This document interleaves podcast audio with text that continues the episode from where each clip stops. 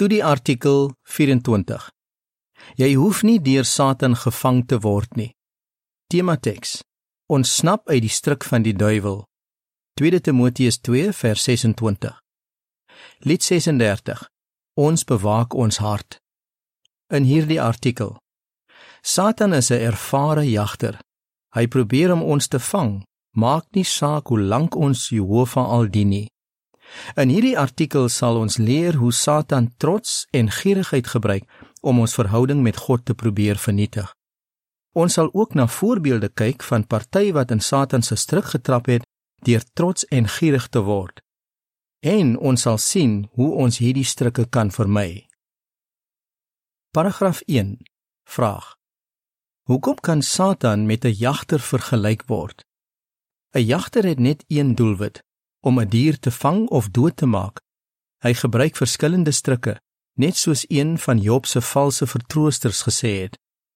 Hoe probeer 'n jagter 'n dier kry om in sy strik te trap? Hy bestudeer die dier. Wat doen die dier gewoonlik? Waarvan hou hy? Wat is die beste manier om hom onverwags te vang? Satan is soos daardie jagter. Hy bestudeer ons. Hy kyk na wat ons gewoonlik doen en hy sien waarvan ons hou. Dan besluit hy watter soort stryk hy wil gebruik en hy hoop dat ons daarin sal trap. Maar die Bybel gee ons die versekering dat selfs al beland ons in een van sy strikke, dat ons daaruit kan ontsnap. En dit leer ons ook hoe ons hierdie strikke heeltemal kan vermy. Paragraaf 2. Vraag: Wat is twee van Satan se strikke waarmee hy die meeste sukses het? Twee van Satan se strikke waarmee hy die meeste sukses het, is trots en gierigheid. Die voetnoot sê wat dit beteken. Hierdie artikel fokus op ongepaste trots. Dit wil sê wanneer iemand voel dat hy beter is as iemand anders. Dit fokus ook op gierigheid. Dit wil sê die uiters sterk begeerte om meer geld, mag, seks of ander dinge te wil hê. Einde van voetnoot. Satan kry dit al duisende jare lank reg om mense te kry om trots en gierig te wees. Hy is soos 'n voelvanger wat 'n stryk of 'n net gebruik om 'n voël te vang. Maar ons hoef nie deur Satan gevang te word nie. Hoekom nie? Want Jehovah wys vir ons watter strikke Satan gebruik. Die volgende is 'n beskrywing van die prent wat van toepassing is op paragraaf 2. 'n Broer is trots en weier om wyse raad te aanvaar. 'n suster wat baie dinge het, wil selfs nog meer hê. Die onderskrif van die prent sê: Trots en gierigheid is twee van die strikke waarmee Satan die meeste sukses het. Paragraaf 3. Vraag: Hoekom het Jehovah waarskuwende voorbeelde in die Bybel ingesluit? Een manier waarop Jehovah ons teen trots en gierigheid waarsku, is deur vir ons waarskuwende voorbeelde te gee. In die voorbeelde wat ons gaan bespreek, gaan ons sien dat Satan selfs mense mislei het wat Jehovah jare lank gedien het. Beteken dit dat ons nie 'n kans staan nie? Glad nie. Jehovah het hierdie voorbeelde in die Bybel ingesluit as 'n waarskuwing vir ons. 1 Korintiërs 10 vers 11. Hy weet dat waarskuwende voorbeelde ons kan leer hoe om die duiwel se strikke te vermy of hoe ons daaruit kan ontsnap. Die volgende is 'n beskrywing van die prent wat van toepassing is op paragraaf 3. Selfs 'n engel en koning Osia het trots geword. Die onderskrif van die prent wat van toepassing is op paragraaf 3 sê: Die voorbeelde in die Bybel kan ons wys hoe om die duiwel se strikke te vermy of hoe om daaruit te ontsnap. Trots. Paragraaf 4. Vraag: Wat kan met ons gebeur as ons trots word? Satan wil hê dat ons die verkeerde soort trots moet ontwikkel. Hy weet dat ons soos hy sal word en die ewige lewe sal verloor as ons trots word. Daarom het die apostel Paulus gewaarsku dat iemand opgeblaas van trots kan word en dieselfde oordeel kan ontvang wat oor die duiwel uitgespreek is. 1 Timoteus 3 vers 6 en 7. Dit kan met enige een van ons gebeur, of ons nou nie in die waarheid is of Jehovah al jare lank dien. Paragraaf 5. Vraag: Hoe wys 'n persoon dalk dat hy trots is volgens Prediker 7 vers 16 en 20? Trotse mense is selfsugtig. Satan probeer om ons te kry om selfsugtig te wees deur meer op onsself te fokus as op Jehovah, veral wanneer ons probleme het. Byvoorbeeld, het iemand jou al valslik beskuldig of het iemand jou al onregverdig behandel? Satan wil baie graag hê dat jy Jehovah of jou broers moet blameer. En die duiwel wil hê dat jy moet dink dat die enigste manier om die probleem op te los is deur dinge op jou manier te doen eerder as om die raad te volg in God se woord. Prediker 7 vers 16 en 20 sê: Moenie al te regverdig wees nie en moenie maak of jy baie wys is nie. Waarom moet jy rampspoed oor jouself bring? Want daar is geen regverdige mens op die aarde wat altyd doen wat goed is en nooit sondig nie. Paragraaf 6. Vraag: Wat kan jy leer uit die ondervinding van 'n suster in Nederland? Kyk na die ondervinding van 'n suster in Nederland wat haar verander vererg het as gevolg van hulle onvolmaakthede. Sy het gevoel dat sy nie meer die situasie kon verdra nie. Sy sê ek het baie alleen gevoel en ek het gedink dat ek nie my gevoelens teenoor daardie broers en susters kan verander nie. Ek het vir my man gesê dat ons na 'n ander gemeente toe moet trek. Toe het sy die JW Broadcasting program van Maart 2016 gekyk. Dit het vir haar voorstelle gegee oor hoe om die onvolmaakthede van ander te hanteer. Die suster sê: "Ek het gesien dat ek nederig moes wees en na my eie foute moes kyk eerder as om die broers en susters in die gemeente te probeer verander." Die program het my gehelp om op Jehovah en sy soewereiniteit te fokus. sien jy die punt? Fokus op Jehovah wanneer jy in 'n moeilike situasie is. Smeek hom om jou te help om ander te sien soos hy hulle sien. Jou hemelse Vader sien hulle foute raak, maar hy is bereid om hulle te vergewe. Hy wil hê dat jy dieselfde moet doen. Paragraaf 7. Vraag: Wat het met koning Osia gebeur? Omdat koning Osia van Juda trots geword het, het hy nie na raad geluister nie en iets gedoen wat hy nie die reg gehad het om te doen nie. Hy het baie oorloë gewen, baie stede gebou en hy het baie plase gehad. Die ware God het hom geseën. Tweede Kronieke 26 vers 3 tot 7 en vers 10. Die Bybel sê: "Maar toe hy magtig geword het, het hy hoogmoedig geword en dit het tot sy ondergang gelei." Jehovah het vroeër gesê dat net die priesters reukwerk by die tempel kon offer, Maar koning Osia het nogtans in die tempel ingegaan en reukwerk geoffer. Jehovah het niks daarvan gehou nie en het daardie trotse man met melaatsheid getref. Osia het vir die res van sy lewe 'n melaatse gebly. Paragraaf 8. Vraag: Hoe kan 1 Korintiërs 4 vers 6 en 7 ons help om nie trots te word nie?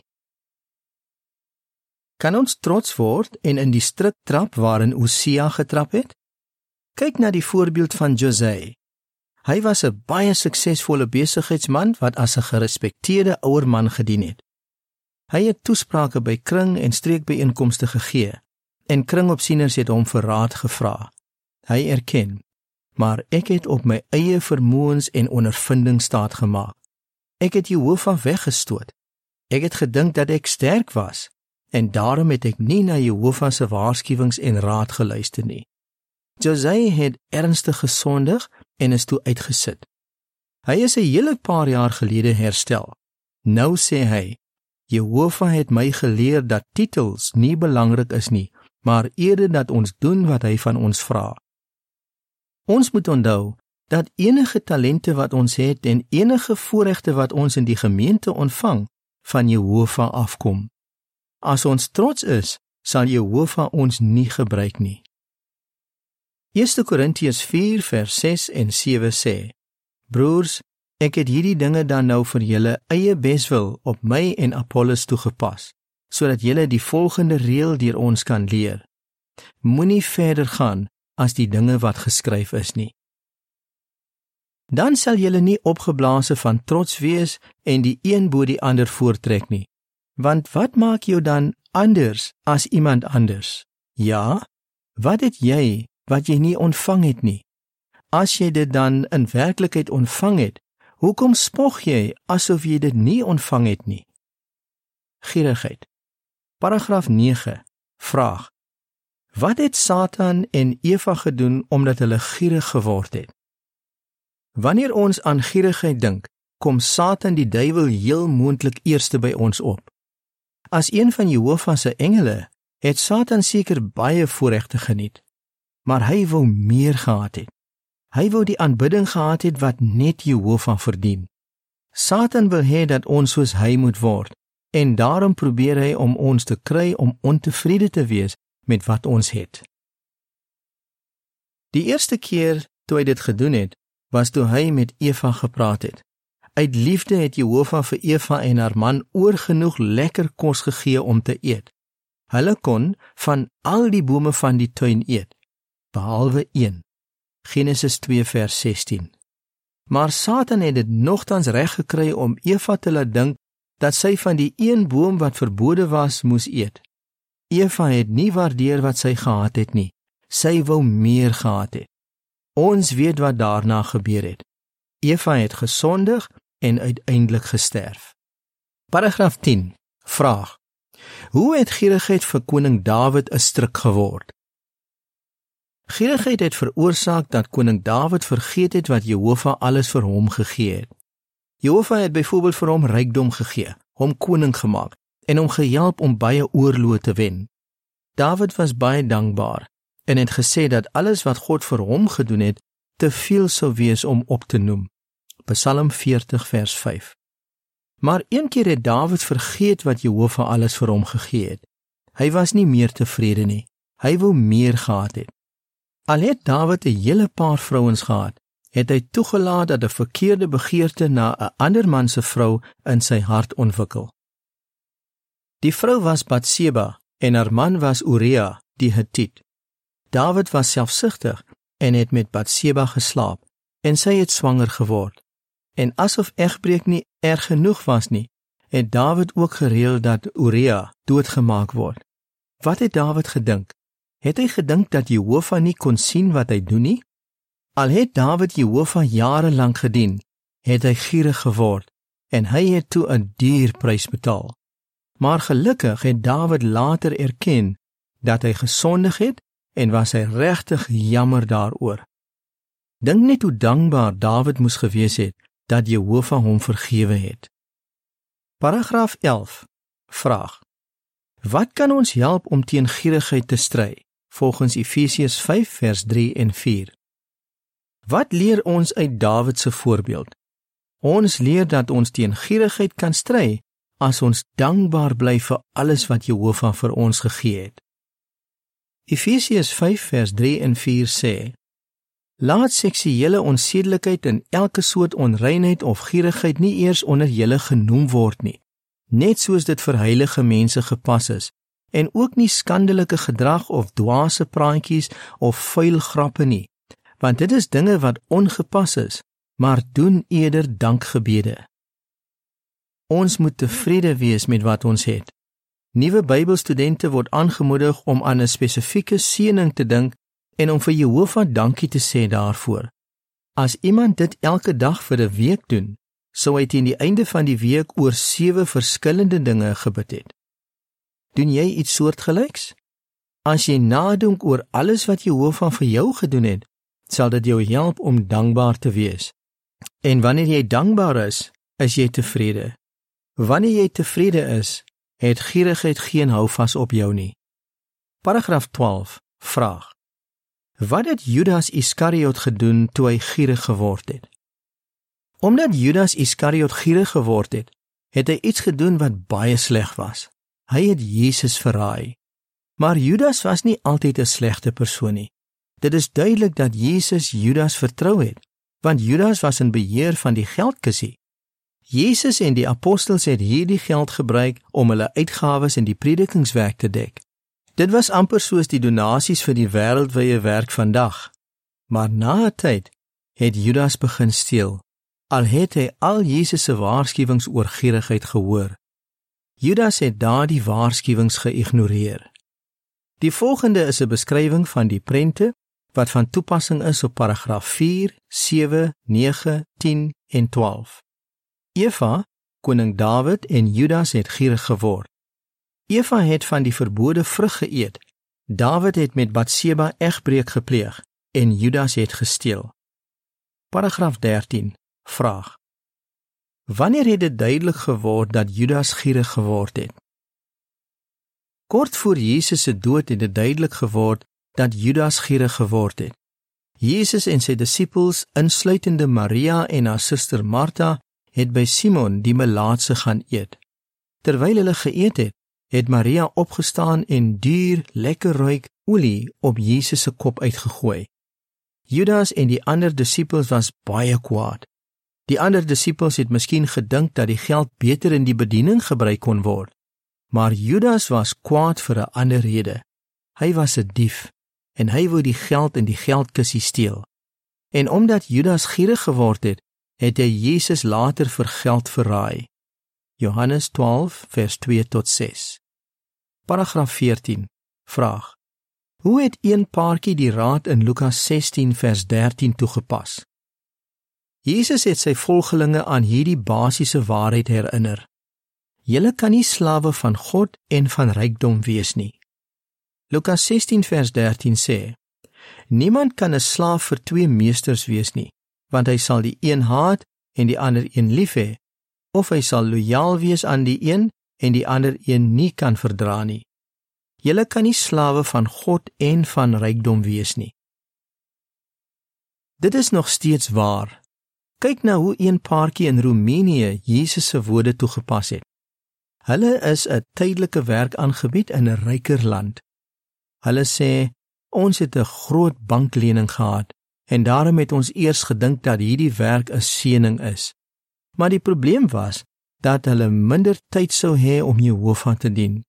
Nadat hulle die artikel Handhaaf lojaliteit met 'n verenigde hart gelees het in die wagtoring van 15 Augustus 2008, het hulle hulle besluit gemaak. Hulle sê as ons in 'n ander land gaan werk het om meer geld te verdien, sou ons ons verhouding met Jehovah tweede gestel het.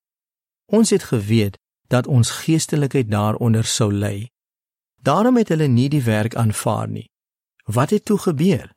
Die man het toe 'n werk in sy eie land gekry waar hy genoeg verdien het om hulle uitgawes te dek. Die vrou het gesê: "Jehovah se hand is nooit te kort nie." Hierdie paartjie is bly dat hulle Jehovah as hulle meester gekies het, eerder as geld. Vir my Satan se strikke. Paragraaf 15. Vraag: Hoe weet ons dat ons uit Satan se strikke kan ontsnap?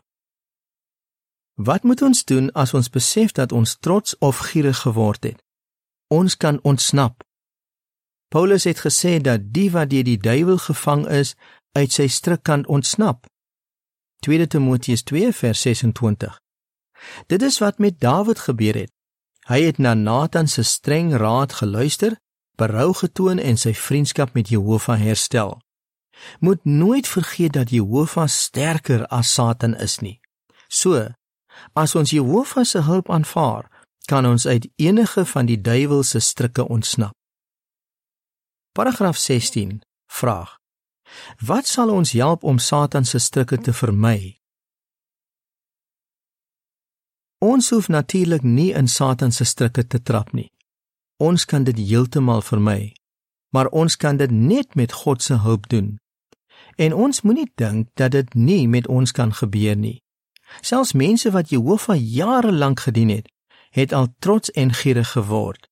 So smeek Jehovah elke dag om jou te help om jou gedagtes en jou dade te ondersoek en doen jou bes om Satan se strikke te vermy. Paragraaf 17 vraag Wat sal binnekort met ons vyand die duiwel gebeur? Satan is duisende jare lank al 'n jagter. Maar binnekort sal hy gebind en uiteindelik heeltemal vernietig word. Ons sien baie uit na daardie dag. Maar tot dan moet ons wakker bly en Satan se strikke vermy. Doen jou bes om nie trots of gierig te word nie. Wees vasbeslote om die duiwel te te staan en hy sal van jou af wegvlug. Jakobus 4 vers 7. Hoe sal jy antwoord? Watter lesse oor trots kan ons uit koning Osia se voorbeeld leer? Watter lesse oor gierigheid kan ons uit koning Dawid en Judas Iskariot se voorbeeld leer? Hoe weet ons dat ons uit Satan se strikke kan ontsnap? Lied 127 Die soort mens wat ek moet wees. Einde van artikel.